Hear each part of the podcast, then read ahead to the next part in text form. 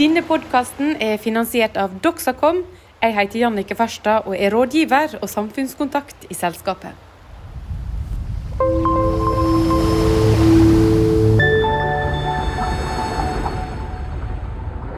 I løpet av de siste åra har det eksplodert med elektriske biler i Norge, og et stort nettverk for lading har blitt bygd ut. Vil vi de neste åra se akkurat det samme på større biler og større båter med bruk av hydrogen? Industribygger Knut Flakk er ikke i tvil.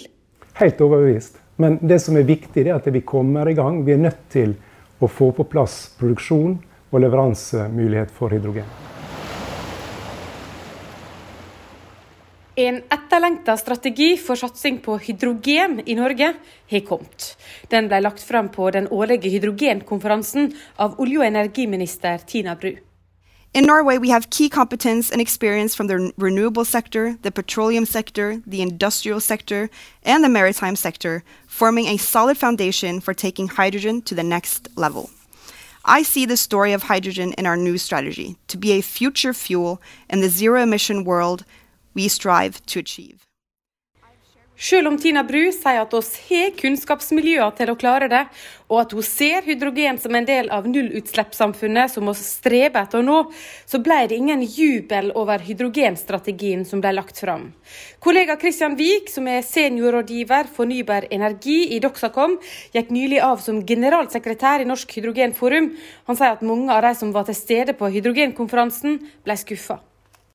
Ja, det som uh, kom fram, uh, det er jo et uh, vel 50 siders dokument som, som, er en grundig beskrivelse av hva, ja, opplisting av eksisterende initiativ. Og det de fokuserer på, er å fortsette med å videreføre det de regjeringa mener er en, en, god tiltakspakke allerede, og videreføre dagens virkemiddelbruk.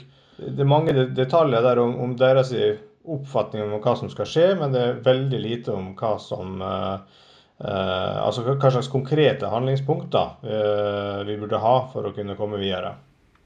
Hvordan ble denne strategien da tatt imot på denne årlige hydrogenkonferansen? Det var jo store forventninger og, og, og glede over at, nå, at, vi nå endelig har en nasjonal hydrogenstrategi som er, som er presentert av regjeringa.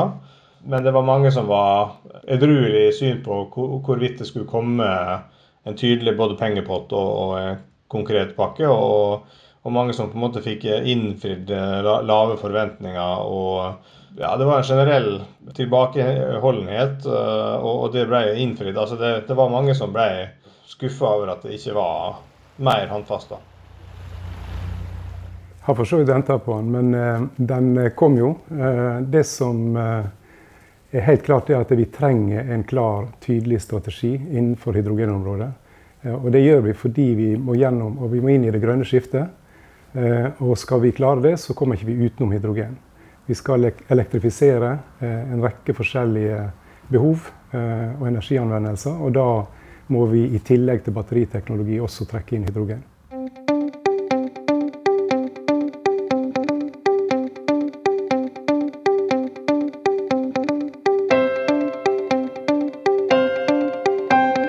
Dagens gjest er altså ikke i tvil.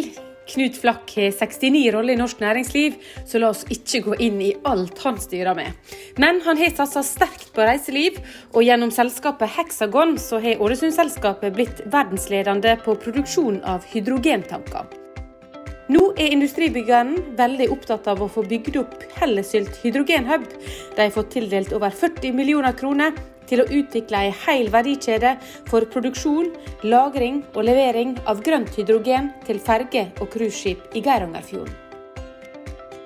Det her begynte egentlig for flere år tilbake, for så vidt, men i fjor høst så søkte vi om støtte fra Pilot-E-ordninga, som er et samarbeid mellom Enova, Forskningsrådet og Innovasjon Norge. Eh, og vi søkte da om støtte for å etablere et produksjonsanlegg for hydrogen, inkludert da infrastrukturen som er nødvendig rundt. Fordi skal vi komme i gang med hydrogen, så må vi ha tilgjengelig hydrogen i det området der den skal brukes. Så vi søkte om støtte, og vi fikk innvilga 36,7 millioner i støtte fra Pilot E til å etablere det som vi kaller for Hellesylt hydrogenhub. Eh, og det er på en måte første trinn i utviklinga av en, eh, en, infrastruktur for hydrogen på Nordvestlandet. Eh, I første omgang så sikter vi oss mot fergene på Geirangerfjorden. Det er veldig veldig viktig at de kommer over på nullutslipp så fort som mulig. De utgjør faktisk mellom 25 og 30% av den totale forurensninga på Geirangerfjorden i dag. Og nå har jo også fylket lagt opp til at den neste konsesjonen den skal være nullutslipp fra og med 2023, eller april 2023. Da skal det være en, en konsesjon der operatøren må bruke nullutslipp-løsninger. Og vi skal bygge den hydrogenfabrikken på Hellesylt nå, slik at vi er klar til å kunne levere hydrogen til de fergene når de kommer, på, eh, kommer i drift i, i 2023. Og dette er altså grønt hydrogen eh, som skal produseres der. Eh, kan du fortelle litt hvordan dere produserer det? Eh, det er veldig viktig å forstå forskjellen mellom altså Hydrogen er selvfølgelig hydrogen, men spørsmålet er hvordan har du produsert det. Eh, der er såkalt grått hydrogen, der er blått hydrogen og der er grønt hydrogen. Og hvis vi tar det veldig kort, så er grått hydrogen det er reformering av naturgass. Der du ikke tar hensyn til CO2-utslippene. For det blir nemlig CO2-utslipp når du reformerer naturgass til hydrogen. Eh, så da er det en forurensende løsning. Eh, det, du, det som kalles blått hydrogen, det er samme, altså det er reformering av naturgass, men der du tar vare på CO2-en og lagrer den nede i reservoaret. Så det jobbes jo med prosjekt der man skal komme i gang med blått hydrogen. Men det krever ganske store volum, og det er betydelige investeringer som må til. Og så har du grønt hydrogen. Der bruker du fornybare energikilder for å spalte vann og da få ut oksygen og hydrogen. Og da har du en helt utslippsfri eh, løsning, der du ikke har forurensning i det hele tatt. Så da eh, Begynner det her å bli ei hel verdikjede som er sikra, eller er ikke det slik? Jo, definitivt. fordi dette her blir jo starten på en slik eh, integrert verdikjede. Eh, vi skal produsere hydrogen på Hellesylt med bruk av elvekraft, så ren fornybar energi. Og vi får da ut eh, hydrogen, vi får oksygen, og vi får varme. Og når den hydrogenen da blir brukt, om det er på et kjøretøy eller på et fartøy, så gir det nullutslipp. Det eneste du får ut, det er rent vann fra den prosessen. Så istedenfor røyk ut fra en skorstein, så får du bare vanndamp. Så vi kommer i gang med produksjon. Vi kommer i gang med leveranser til da, eh, disse eh, fergene som opererer på fjorden. Det er definitivt vårt mål. Og så skal vi selvfølgelig også levere til andre anvendelser på Nordvestlandet. Eh, og Der ser vi jo for oss at det er både andre maritime anvendelser. Her er jo brønnbåtprosjekt på gang. Her er et annet fergeprosjekt på gang som skal bruke hydrogen. Og vi ser for oss eh, leveranser til transportsektoren med kjøretøy. Og da ikke minst de tyngre kjøretøyene. Type buss, eh, lastebil osv. Så, så det innebærer jo det at vi ikke bare skal bygge en fabrikk for å produsere hydrogen, men vi skal også etablere transportløsninger for å distribuere det ut til fyllestasjoner. Og vi skal få fyllestasjoner på plass. Enten det blir i Ålesund eller i Molde eller på Åndalsnes eh, eller sørover i Sogn og Fjordane. Eh, eller det, vil si, det er ikke et enten-eller, det er et både-og. Fordi vi må få bygd opp en infrastruktur ikke sant? der det er mulig å fylle mer enn én plass. Men eh, føler du deg trygg på at uh, der vil bli båter og vil bli biler som vil bruke hydrogen? Helt overbevist. Men det som er viktig, er at vi kommer i gang. Vi er nødt til å få på plass produksjon og leveransemulighet for hydrogen. Jeg skulle gjerne hatt en hydrogenbil i dag, men det er ikke et realistisk alternativ. For det er ingen plass å fylle eh, i regionen vår. Eh, du, det nærmeste er faktisk eh, Gardermoen. Og det blir litt langt å kjøre for å fylle der nede. Eh, så, så, vi er nødt til å, å, få etablert den infrastrukturen, og da kommer også kjøretøyene. Da vil det være aktuelt for folk å velge det, fordi den gir vesentlig lengre rekkevidde enn batteri elektrisk, og du fyller på veldig kort tid. Du fyller like fort som du fyller bensin eller diesel på bilen i dag. I motsetning til når du skal lade, så tar det Eh, en del tid, litt avhengig av spenninga og, og, om det er en, en hurtiglader eller ikke. Men, men, hydrogen har en plass i dette skiftet som nå kommer. Vi må inn i det grønne skiftet. Regjeringa har sagt at man skal ha nullutslipp inn på alle nye personbiler i 2025. Altså Det ligger i Nasjonal transportplan at det alle nye registrerte kjøretøy da skal være nullutslipp. Og vi har kommet veldig langt med batterielektrisk. Men batterielektrisk løser ikke utfordringer på alle områder. Så vi må også inn og bruke hydrogen. Og om det blir 10% av flåten eller det blir 20% av kjøretøyflåten, det, det får tida vise. Men vi er nødt til å ha hydrogen tilgjengelig hvis vi skal nå målene om nullutslipp. Og Det har også satt kraftige mål i NTP, eller Nasjonal transportplan, for 2030 eh, når det er knytta til buss og lastebil, tungtransport. Og, og, spesielt innenfor tungtransport så vil hydrogen være aktuelt. Føler du deg trygg på at det er liksom hydrogen som blir Det blir snakk om ammoniakk, det blir snakk om mye. At det er liksom det som blir veien å gå? ja, jeg er helt overbevist om at hydrogen må spille en rolle. fordi Um, og Du nevner ammoniakk, men det er egentlig hydrogen. Det er bare måten du lagrer hydrogenet på. Uh, og Der er forskjellige løsninger. Enten kan du trykksette hydrogen, eller så kan du kjøle hydrogen ned til 253 minusgrader. Uh, det er bare 20 grader under, eller over absolutte nullpunkt, um, som er minus 273. Uh, men du kan kjøle den ned, lagre den på den måten, eller du kan binde den til f.eks. ammoniakk. Men da har du litt andre utfordringer, eh, bl.a. knytta til dette med NOx-utslipp. Fordi Hvis du bare forbrenner ammoniakk, så får du eh, ikke en ren løsning, men du får NOx-utslipp som du da må løse på et annet vis.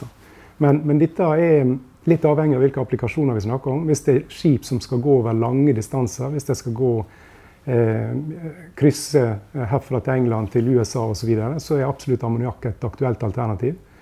Eh, men skal du gå langs kysten, så er det kanskje eh, flytende eller trykksatte løsninger. Men det er hele tida hydrogen som er på en måte energibæreren. Da. Uansett om du kaller det flytende eller trykksatt eller ammoniakk eller andre ting. Så, så, det har en plass, og det, det, det, må, eh, det må, opp og stå. for hvis ikke så har du denne her tradisjonelle høna og egget-problemstillinga. Jeg skulle som sagt gjerne hatt en el, nei, ikke en elbil, det kan jeg gjerne ha for så vidt, men, men en hydrogenbil i dag men det er ikke noe plass å fylle. Og, og hvis ikke det er noen som har elbiler, så er det vanskelig å få noen til å investere i fyllestasjoner. ikke sant? Så noen må ta initiativet, noen må sette i gang. Og Det er det vi ønsker å være med og bidra til. Eh, vi i Hellesut Hydrogenhub og dette Pilot E-prosjektet. Der starta vi opp slik at hydrogen blir tilgjengelig, og vi har fått betydelig støtte som, som jeg sa, fra myndighetene. Vi fikk, vi fikk faktisk 9 millioner kroner til nylig fra Forskningsrådet til det samme prosjektet. Så vi er kommet opp i 6-47 millioner i støtte. Og vi har fått inn 14 millioner foreløpig i, i egenkapital i prosjektet, så det er en god finansiering, og jeg vet at vi klarer å hente mer penger. Det er ikke noe problem. Så, så vi, vi, vi, er i full gang. Vi skal få dette opp å stå. Og da blir vi kvitt denne problemstillinga med at ja, men det er ikke noe sted å fylle, det er ikke noe hydrogen tilgjengelig. Da er det løst, og da legger du grunnlag for vekst og utvikling. Men hvor, tid, liksom, hvor langt har dere kommet? Ja, Foreløpig så er ikke spader satt i jorda, da, men, men, vi har jobba veldig mye med prosjektering, planlegging, dimensjonering av anlegget, lokalisering, eh, hele infrastrukturen rundt det. Eh, så vi har kommet veldig langt i det arbeidet, og vi kommer til å starte bygginga av fabrikken tidlig neste år. Og den skal stå ferdig senest sommeren 2022. Så, så, så vi er ikke så langt unna. Ja, ja, definitivt. Det er ikke noe, noe å tenke på. Det blir hydrogen tilgjengelig. Så, og, og, det er også det at eh, det her er et skalerbart anlegg. Vi begynner med en kapasitet på ca. 1 tonn hydrogen per dag. Eh, men vi kan lett øke den til, til mer volum etter hvert som, som, det da blir behov for det. Men det er viktig å komme i gang slik at det faktisk er tilgjengelig. Og så må liksom markedsutviklinga bestemme takta på den kapasitetsøkninga.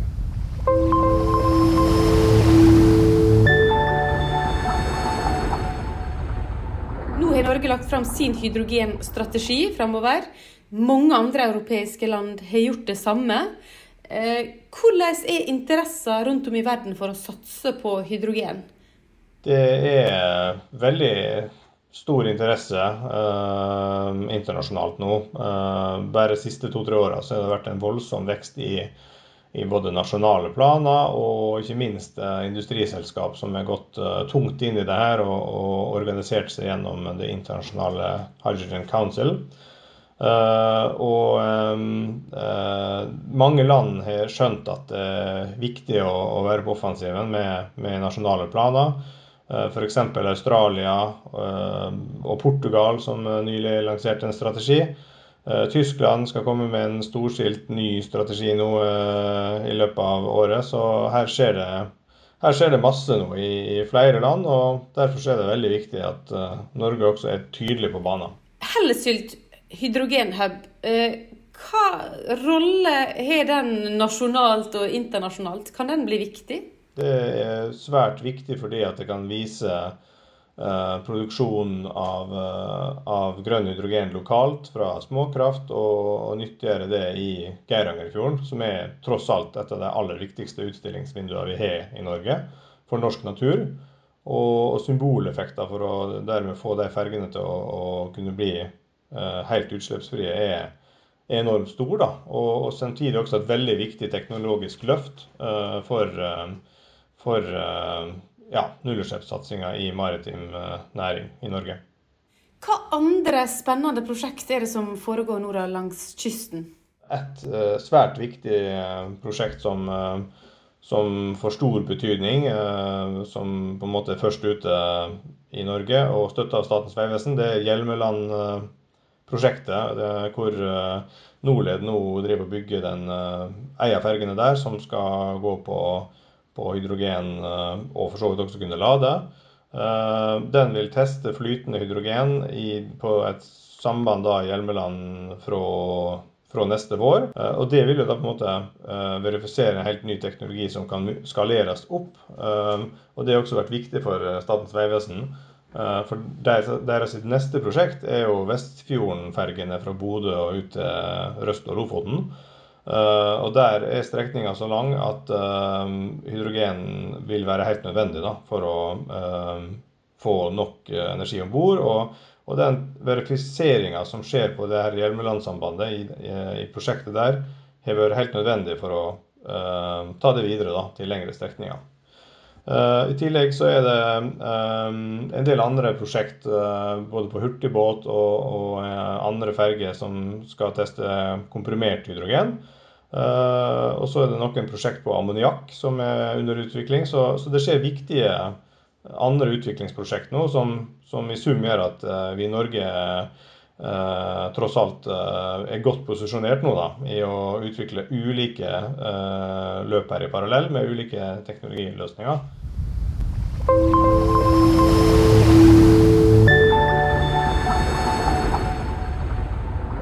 På Norsk Hydrogenforums årlige hydrogenkonferanse var olje- og energiminister Tina Bru opptatt av å få fram at det er viktig med en klok bruk av penger i satsinga på hydrogen framover. It's billions of Norwegian crowns. It's mm. very expensive. And so, I mean, I think it's hard to say that the Norwegian government lacks ambition to try to push forward new industry processes that industry can't lift on its own yet because it's expensive. So we, we are we are in for the long run and we're we're willing to play the game and support industry but we also have to i mean this is still a technology that is still more in the future. We have to also take it a little bit a step at a time but i am totally open to discussing how we can get our our tools to work be better in the future both at nova and nysnö and etc but i think it also this whole debate so far also kind of shows that yes we could always do more it's hard to be a politician meeting Norwegian industry and Norwegian business because they're so ambitious and they have so many mm. plans, and it makes me really happy. But it's sometimes hard as a politician having to defend uh, that we have to make careful decisions on what we spend uh, state money on. But but all in all, it, it, really does give me hope for the future. And sure. Dere er i gang full, altså peis på, eh, og så kommer liksom eh, regjeringa med en strategi att i veien som mange sier, sier mest hva som foregår i dag. Klarer myndighetene å henge med her? Jeg tror bil, altså der er absolutt en positiv holdning til å tenke hydrogen. Eh, det som jeg syns er litt skuffende, det er at de er veldig lite håndfaste da, når det kommer til å sette konkrete mål knytta til den hydrogenstrategien. Eh, det som du nevnte, det er stort sett en opplisting av de tiltakene som allerede eksisterer. Det er veldig lite nytt i det. Eh, men det er en sånn generell eh, vilje, eller, eller, skal vi si en, en, generell uttalelse, om at man ønsker å satse på hydrogen. Eh, men det er lite konkret som jeg sier, utover det som faktisk er i gang allerede. Da. Og det, det er litt synd, for det, da blir det litt sånn tannløst. Og vi skulle gjerne sett at man tar et mye mer kraftfullt initiativ allerede nå og sier at dette skal vi få etablert. Dette må opp og stå, og da må det offentlige bidra sammen med privat næringsliv. da. Eh, så, så, vi er ikke helt der vi bør være eh, enda, men, men, jeg tror det kommer. Det er bare et spørsmål om å, å, å synliggjøre betydningen av det her, og virkelig få myndighetene til å forstå at skal vi lykkes, så må vi dra det til lasset sammen. Modning, på en måte? Ja, litt modningsprosess. Og vi ser vel at enkelte partier er mye mer frempå kanskje enn regjeringspartiene har vært i denne meldinga si. Eh, det er jo mange som har tatt til orde for å etablere et eh, nasjonalt hydrogenselskap. Der man går inn og investerer tungt for å få hydrogeninfrastrukturen opp å stå. Og i det hele tatt utvikle de mulighetene som ligger på hydrogenområdet. Politikere som Tina Bru fra Høyre og Espen Barth Eide fra Arbeiderpartiet vil oss kanskje høre mer debattere om hydrogen framover. It's not me trying to slow it down, it's me trying to do the responsible thing. Uh, and but yeah, we're we are really working towards making a decision in the fall, as Parliament also wants us to do. But we have to finish the processes that are underway on this project. But we're we're making good time, and we're we're working according to plan. Mm. Just a quick, I mean, Høyre yeah, and Arbeiderparti uh, are among the very few remaining parties who still think balancing the budget is a good thing. so um, I'm, I'm, not against having thorough processes. But at, this, but at the same time, I am one of those who are very close to saying press the button. Because what we're looking at now is the economics of these projects within the container of the project itself. But what I think of it, this is a strategic decision to develop technology, to take leadership for technology that will you know, prolong the purpose of, of getting gas out of the ground, yeah. there will be hundreds of billions lost if we don't get this right, because Europe is changing away from uh, natural gas as we know it. They want something else, and either we make uh, sure that you know gas is part of that through CCS or it will be lost. So it's much more expensive not to move mm. than to move quickly. And that's why, as, even as uh, coming from a responsible party, I think we should at least move fast. Det blir snakka her om å trykke på knappen. hva, er, hva legger i å trykke på knappen for satsing på hydrogen? Er det liksom milliardbeløp inn i eh, bedriftene? ja, altså øh kritikken mot eh, hydrogenstrategien som, eh, som, nå er kommet, den går jo på at, at man viser til bevilgninger her og der gjennom det eksisterende virkemiddelapparatet. Og det, det er noen hundre millioner her og, og, og der til ulike program. Og det er altfor smått til å bygge, både bygge om skip, men også bygge nye skip fra grunnen av, som er designa med tanke på nullutslipp hele veien. Og eh, nå er det sånn at eh, satsinga på blå hydrogen eh, med karbonfangst og -lagring, den har på en måte fått sikra bevilgning gjennom CCS-prosjekter eh, på rundt 10 milliarder kroner. Uh, og det, det, er ingenting som ikke tilsier at ikke vi skal også sette av 10 milliarder kroner til uh, prosjekt med utvikling av grønn hydrogen, og ikke minst også uh, betydelig mer penger til, eh, til eh, finansiering, medfinansiering av de skipene som skal eh, bruke, bruke hydrogendrivstoff.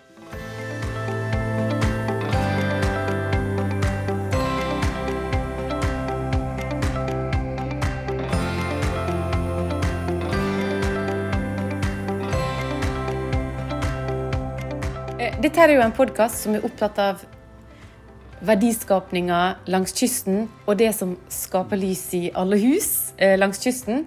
Eh, hva muligheter ser du for verdiskapning i eh, hydrogen framover? De er veldig veldig store. Eh, og det er, det er, ikke bare det at det, det, er store muligheter, men det er helt nødvendig å gjøre det.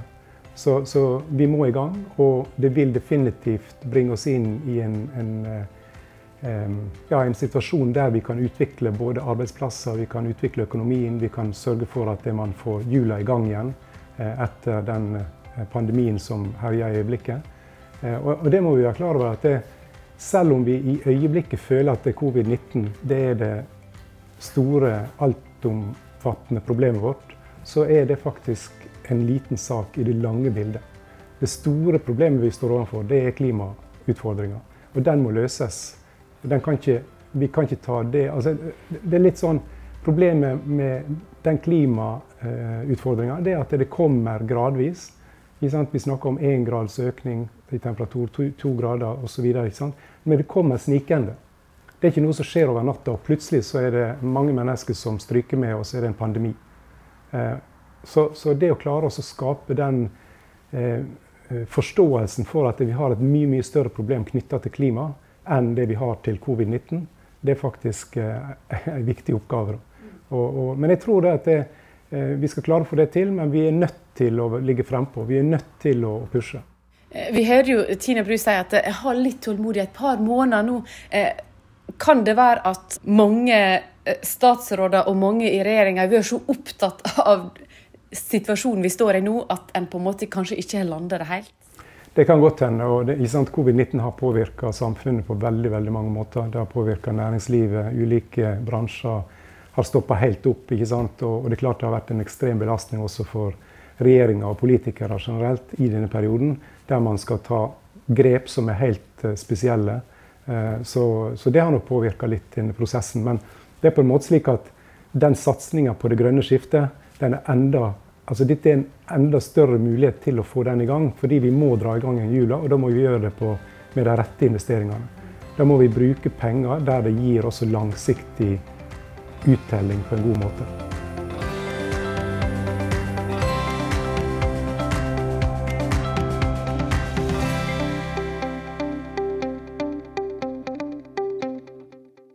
OKP med klyngeprogrammet GCE Blue Maritime og NCE Blue Legacy har bidratt til finansiering og utvikling av podkasten Lys i alle hus.